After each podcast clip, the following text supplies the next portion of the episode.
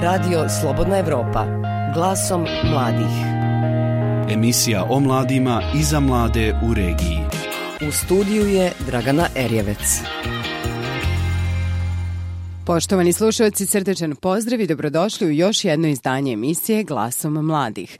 Narednih pola sata rezervisani su za priče o mladim i uspješnim ljudima u regionu, njihovim mišljenjima o različitim temama, ali i problemima sa kojima se ova populacija susreće. U sljedećih 30 minuta govorimo vašim glasom. Glasom mladih. Glasom mladih. Prije mjesec dana policijske snage rastjerale su pripadnike navijačkih grupa koji su pokušali da upadnu na festival Mirdita Dobar dan, na kojem su se beogradskoj publici predstavljali umjetnici sa Kosova. Prije deset dana u Novom Sadu šipkama i bokserima pretučena su tri studenta pripadnika organizacije za krov nad glavom koje se bori protiv prisilnih iseljenja stanara. Riječki maturanti su završetak školovanja slavili uz povike Ajmo Ustaše i za dom spremni a više od 20% mladih u Bosni i Hercegovini, prema istraživanjima omladinskih organizacija, osjeća netrpeljivost prema drugoj naciji i vjeri, dok njih 5% smatra da je terorizam opravdan.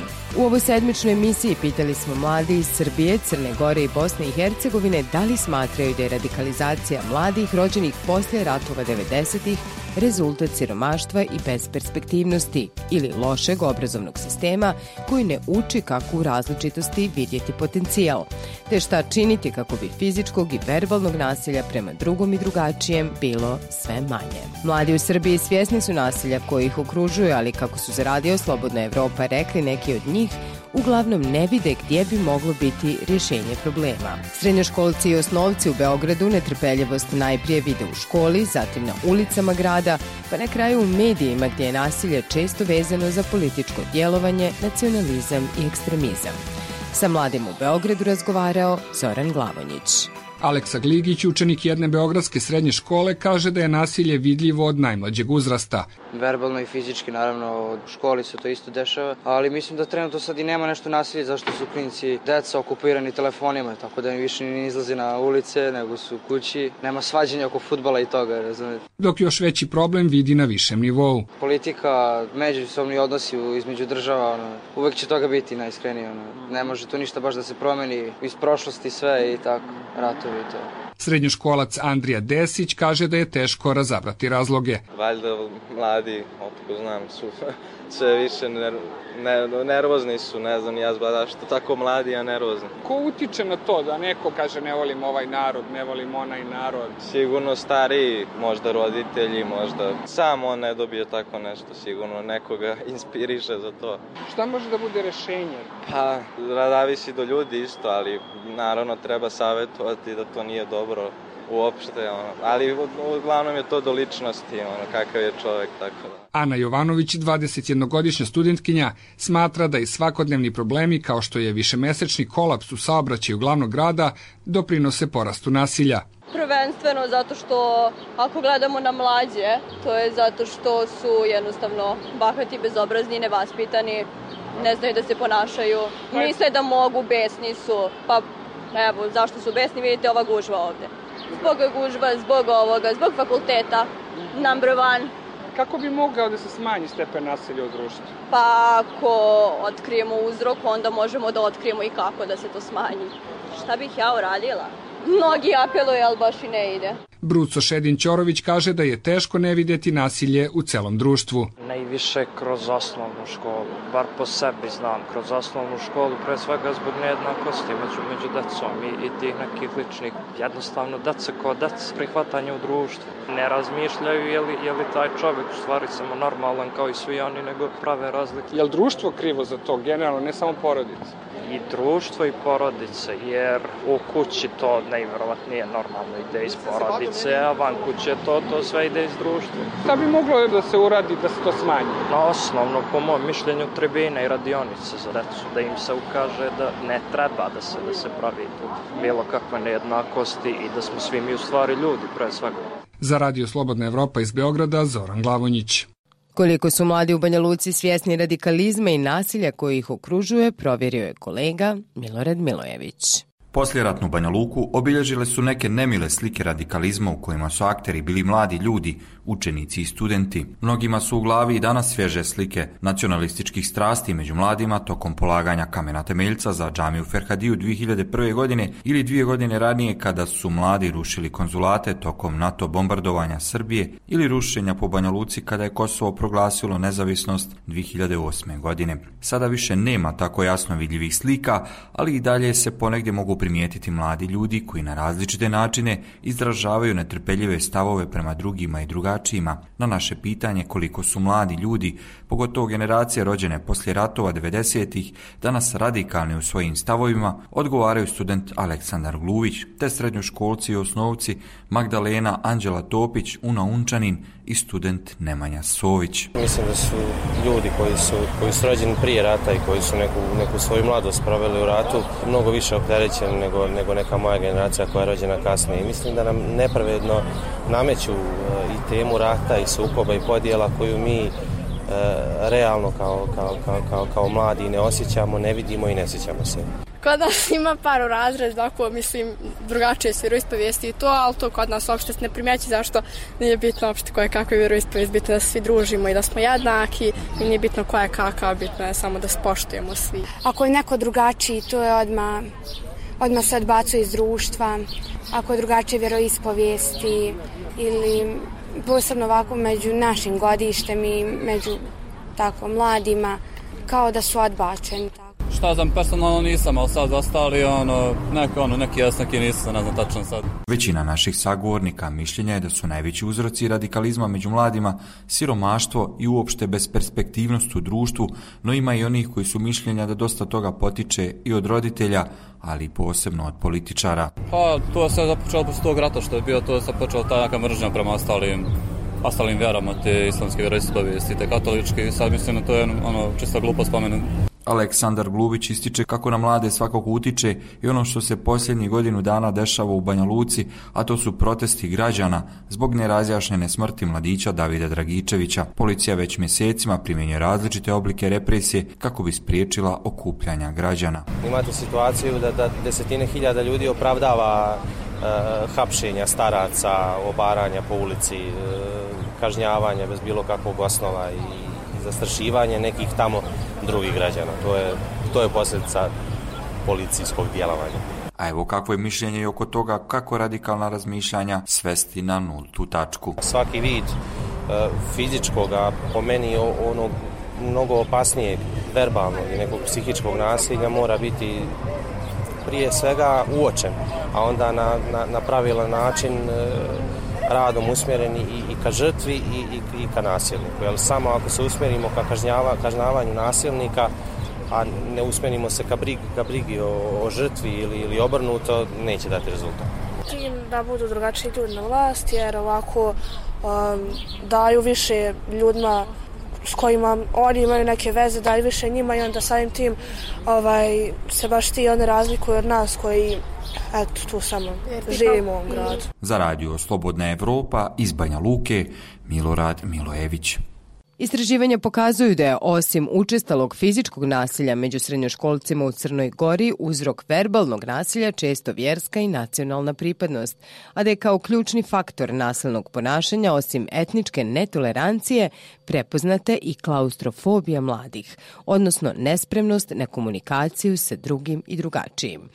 Percepcija sagovornika naše ankete je da uz porast nasilja raste i nivo njegove prihvatljivosti, a porodicu označavaju kao najodgovornijeg činioca za takvo stanje. Sa mladima u Budvi razgovarala Jasna Vukićević. Da je nasilje među mladima učestala pojava potvrđuju istraživanja poput Sedemovog o nasilju u crnogorskim srednjim školama. Rezultati su pokazali da je posebno izraženo verbalno nasilje koje se u značajnom broju slučajeva izražava po vjerskoj i nacionalnoj osnovi, a najveći dio se odnosi na Rome.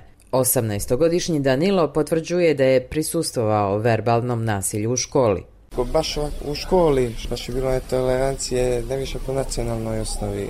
I kako reagovati u takvim slučajevima? A pokušati to spriječiti na najbezbolniji način, razgovorom. Kako profesori i nastavnici reaguju? Da li reaguju uopšte? Pa ne baš. Ono, najčešće se djeca pošalju kod pedagoga da pedagog to riješi razgovorom. I kad se priča o tome, ne ulazi se u dublju, u dublju u suštinu tog problema. A što bi mogli biti razlozi?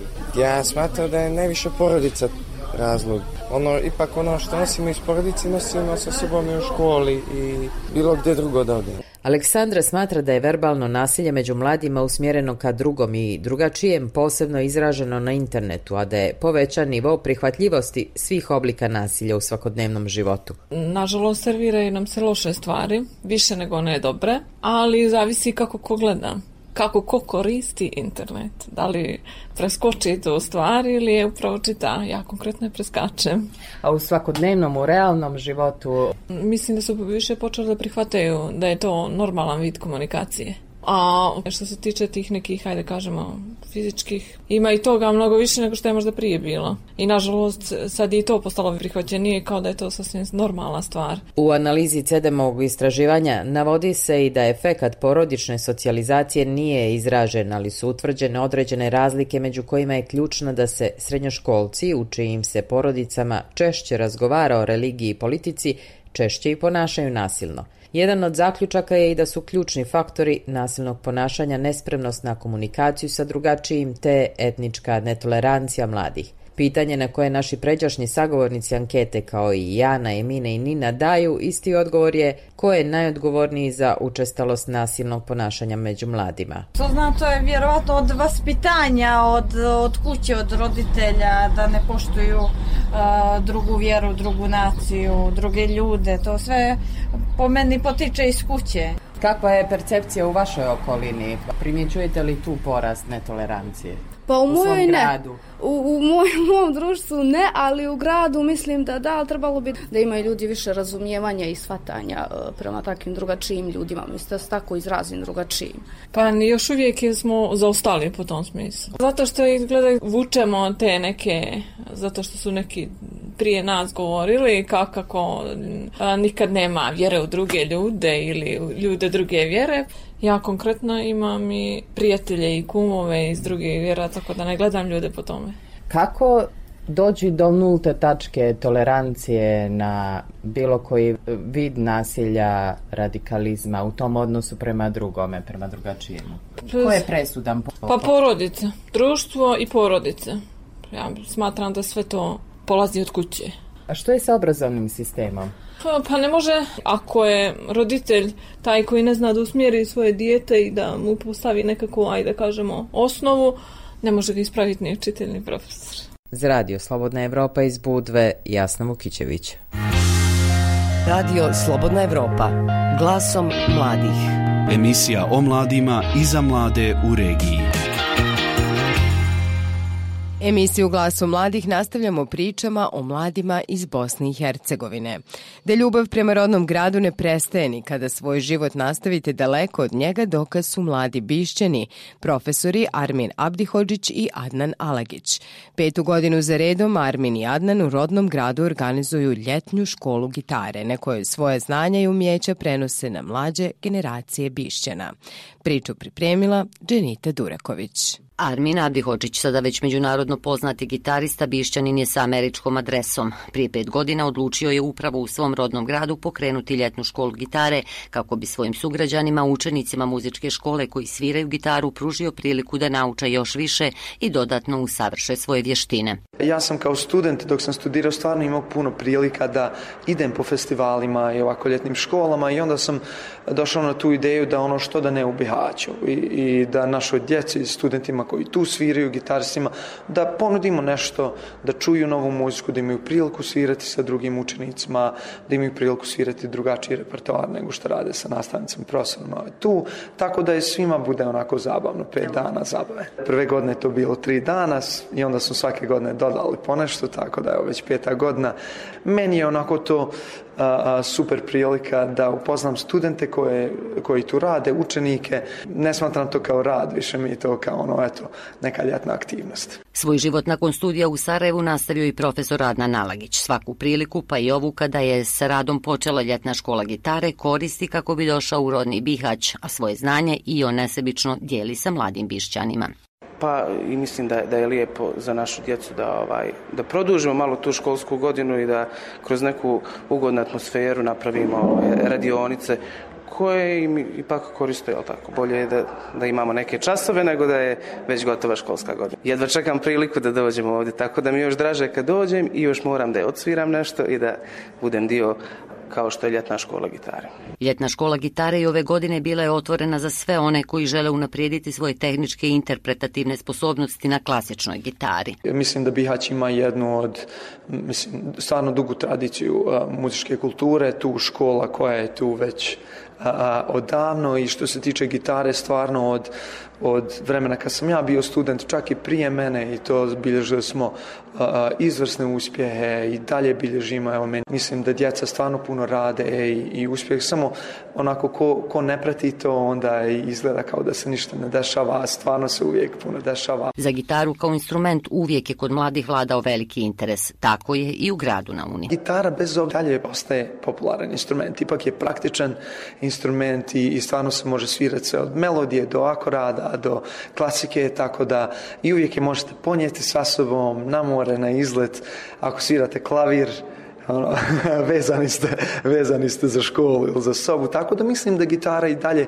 održava svoj interes i, i a, mislim čak da popularnost klasične gitare raste dok popularnost električne gitare opada. Mislim da gitara i dalje u sigurnim rukama.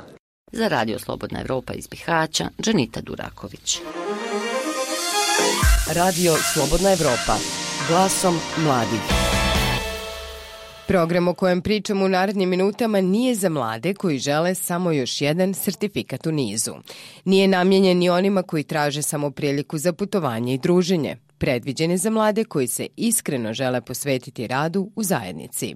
Ovako je opisana Akademija za mlade lidere u civilnom društvu, obrazovni program Njemačke omladinske fondacije Schuler Helfen Leben u Bosni i Hercegovini. U toku je edukacija treće generacije polaznika, a s nekima od njih je razgovarao Arnes Grbešić. Studentica psihologije na Filozofskom fakultetu u Sarajevu Amina Omeragić iz Gradarca je polaznica Akademije Njemačke omladinske fondacije Schiller Helfenleben ili u prevodu Učenici pomažu život, koja je na području Bosne i Hercegovine prisutna još od ratne 1993. godine.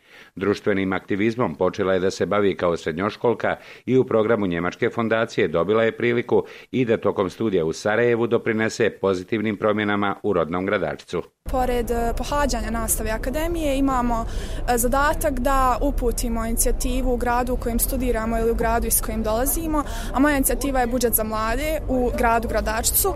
Bila sam jako aktivna dok sam bila srednjoškolac i nedostatak zaista tih finansijskih sredstava direktno usmjereni mladima osjetio se nekako i to je bila ono prepreka da mladi općenito budu i aktivni i da radi na razvoju zajednice.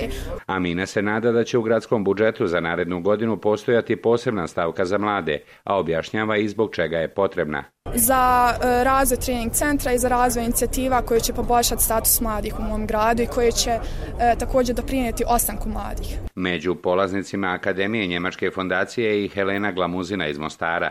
Ona je studentica agronomskog i prehrambeno-tehnološkog fakulteta u gradu na Neretvi. Radi se na osnivanju udruženja studenta agronomskih o, o, biotehničkih fakulteta, znači na području cijele Bosne i Hercegovine, da bi bili uključeni fakulteti, znači i Sarajeva, Banja Luke, Mostara, gdje bi jednostavno povezali cijelu Bosnu i Hercegovinu. Mi znači uopće nismo imali nikakvih kontakta, nisam dotad ni znala ko je predstavnik, nismo imali nikakva druženja, a, nismo znali kako funkcioniraju ostali fakulteti, a znači nakon toga kada smo se počeli povezivati, shvatili smo da radimo iste stvari, da jednostavno možemo jedni od drugih dosta toga naučiti.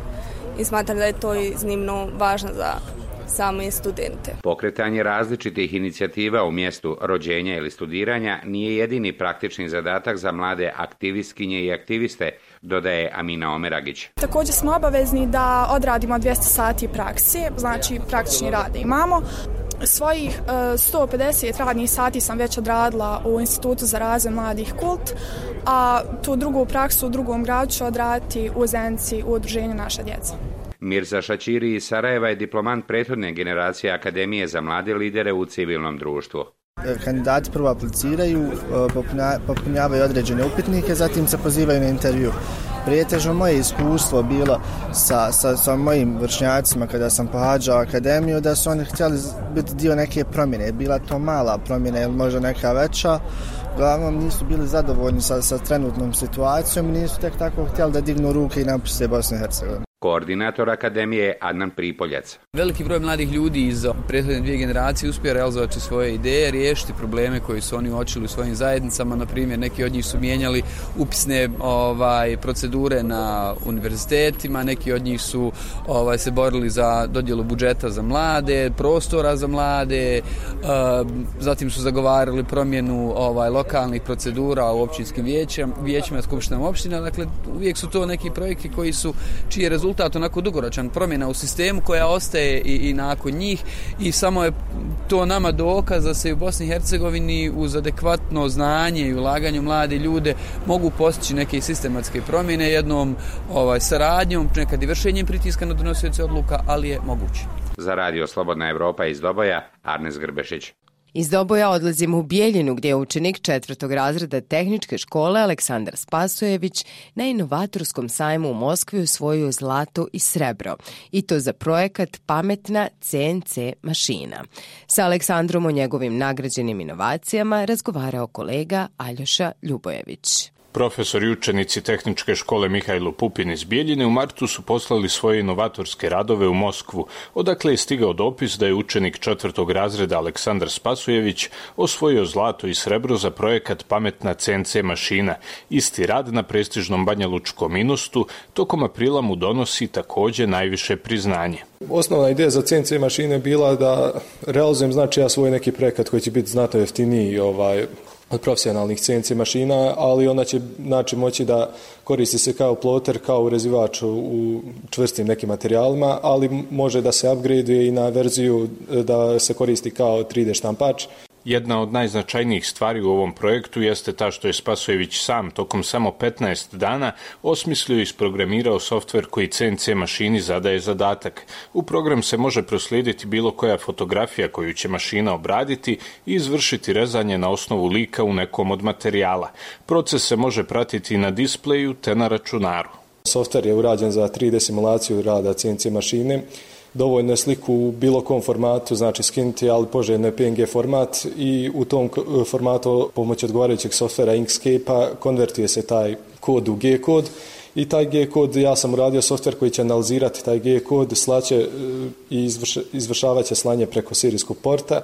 Aleksandar Spasojević na takmičenjima se ove godine pojavljivao sa još dva rada, među kojima izdvaja X web server, multifunkcionalni server koji može da posluži kao baza podataka za mnoge oblasti čovjekovog djelovanja. Kada se mi konektujemo preko, e, na njegovu e, IP adresu, X web server nama šalje podatke, znači o trenutnoj temperaturi, o osvjetljenosti prostorije, o vlažnosti vazduha, Aleksandrov Vršnjak, također učenik četvrtog razreda tehničke škole Mihajlo Pupin, Darko Mikanović, na inostu je osvojio bronzanu medalju. Njegovo umjeće odnosi se na programiranje, pa je osmislio igru koju mogu da koriste ljudi širom svijeta. Imamo dakle svog igrača, možemo da se krećemo s njim, e, imamo više mapa, imamo kuće u koje možemo da ulazimo. E, igrica je još uvijek u izradi, tako da dodavat još uvijek e, novih interakcija između igrača. Mikanovićevu igru stručnjaci su procijenili kao platformu sa ogromnim potencijalom. Dovoljno imati pristup internetu, igrati udružujući se sa igračima na bilo kojoj tački planete, konsultovati se, pratiti rezultate, osvajati nove nivoje. Darko ističe da ideju razvio tokom prošlog raspusta i tako sve dane namijenjene odmoru iskoristio za rad. Trebalo mi je dosta vremena, dva mjeseca sam radio aktivno i još uvijek radim međutim smatram da će završiti sada na ljetni raspust eh, skroz za aplikaciju. Mladi inovatori iz Biljine gotovo svake godine donose priznanja i sa poznatog Tesla Festa u Novom Sadu, te iz Beograda, Čehoslovačke, Bugarske, Rumunije i drugih zemalja. Aleksandar i Darko od oktobra će nastaviti akademske studije, a na novim generacijama tehničke škole ostaje da ponove ili postignu veći uspjeh od svojih prethodnika. Za emisiju Glasu mladih iz Bijeljine Aljoša Ljubojević. Glasom mladih. Emisija o mladima i za mlade u regiji. Subotom u 15 sati, nedeljom u 18.30. Reper Frenki promovisao je u Sarajevu autobiografski roman Koreci, koji je napisan u saradnji sa mladim sarajevskim piscem Borisom Lalićem. Za Radio Slobodna Evropa Frenki je govorio o tome kako je nastala ideja za knjigu, o procesu nastanka same knjige, kao i o tome šta bi volio da ova knjiga potakne i inspirira. Sa Frenkijem razgovarala koleginica Maša Durkalić. Reci mi nešto o svojoj knjizi Koraci i kako je uopšte nastala ideja za knjigu. Ljubav prema književnosti kod mene se pojavila relativno kasno. Ja u srednjoj školi nisam pročitao skoro ni jednu lektiru. I tek kasnije s ovim nekim savremenim domaćim piscima je se to kod mene počelo ovaj, da budi i počeo sam onda stvarno puno i da čitam knjige. I onda kako to valjda ide sa svakom knjigom, nekad nekako se zapitaš ono da li bi ja mogu nešto slično napisati. Isto koji s muzikom, koji s hip-hopom, kad sam krenuo da slušam to, desio se jednostavno jedan trenutak kad sam ono konto je, možda bi mogu ja nešto napisati. E, i ta ideja je u meni dosta je se kuhala i razmišljao sam o tom i imao sam želju, ali nisam se nikad ono sudio to sam da napravim jer mislim da ne bi to znao sam napraviti. I onda sam tražio za nekog saradnika, nekog s kim bi to mogao da realizujem i onda sam naletio na Borsa. I ovaj, javio sam se njemu, mi se znamo već duže vremena, ono, pošto je ko novinar on radio i ta smo generacija, kretali smo se u nekim sličnim krugovima i kad sam mu to predložio, on je ono odmah pristoji, krenuli smo da radimo na tome prije godinu, malo možda i više. I proces je izgledao tako da se mi sastanemo na kafi, on snima mene na, na diktafon, uradili smo neke razgovore od prilike do sat vremena i uvijek neki period od mog života kreće, ne znam, od osnovne škole i moji prvi sjećanja na rodni grad i ratna dešavanja, pa onda nadalje vamo sve do muzike. Nemamo često priliku čuti iskustva odrastanja mladih ljudi. Je li u tome dodatna vrijednost knjige da imamo priliku čitati o iskustvu mladog čovjeka koji je u jako problematičnom periodu naše novije historije imao snage, volje i želje da se počne baviti muzikom? Dok smo radili na ovoj knjizi, ja sam pročitao svaku biografiju koju sam se mogao dočepati. Od nekih domaćih do njemačkih repera, muzičara, američkih. Sve sam to htio da pročitam, da vidim kako su on to napravili i onda sam usput i, i ono sam za sebe shvatio šta me najviše zanima kod takvih knjiga. A to jest upravo taj neki život koji je nepoznat javnosti. Recimo, čito sam Eminemovu knjigu i zanimljivo mi je bilo njegovo to odrastanje. Znači, da vidim kako je on živio prije muzike, kako je to sve izgledalo, prvi korac u muzici, njegov život šta je on sve doživio tada, kroz šta je sve prošao i upravo to što kažeš, ono, da uprko svemu i dalje je zadržao volju i imao snage da ono nastavi i da se počne aktivno baviti muzikom i da postane još mega uspješan u tome. Često je mišljenje da mlađi ljudi ne trebaju pisati autobiografije ili da neko treba biti barem 50 godina mrtav da bi imao neki historijski značaj. Kako možemo onda posmatrati žive uzore i afirmirati ih? Kad sam istraživo i čitao sve te biografije raznih ono javnih ličnosti, shvatio sam da mnogi od njih su izdali knjige i prije mene, recimo, odnosno u mlađim godinama nego što sam ja danas. Tako da to pravilo više danas ne važi. Ono, što bi mi dozvolilo da nama neko diktira kad mi nešto smijemo i možemo i trebamo objaviti, napisati. Ne vjerujem da je to ono, nešto što treba nekog da omete i druga stvar je što puno ljudi kod nas ovde, bar iz moje generacije i starije, su imali turbulentne živote i, i imaju šta i za ispričati, tako da ono svak, svaki drugi lik ovde ono krenuš od rata, od nekih tih stvari, svako bi mogao napisati zanimljivu knjigu, da ima i šta da kaže i da, da saznamo nešto novo, tako da ono ne, nemam problem s tim. Ono. Šta bi ti volio da ova knjiga inspirira i potakne? U, u, u koracima spominjemo jednog grafiti umjetnika iz Berlina koji je porijeklom iz bivše Jugoslavije. On se zvao Odem i on je bio jedan od najuspješnijih grafiti umjetnika u, u Evropi. I on je isto izdao autobiografski roman koji je na mene ostavio ogroman trag.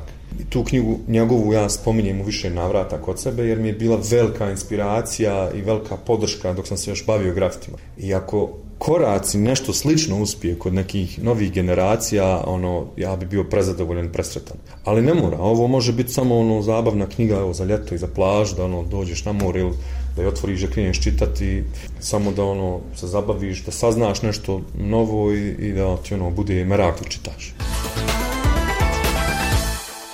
Bilo je to sve u ovo sedmičnoj emisiji Glasom mladih. Iz Sarajevskog studija pozdravljaju vas Enes Hranjičić i Dragana Erjevec.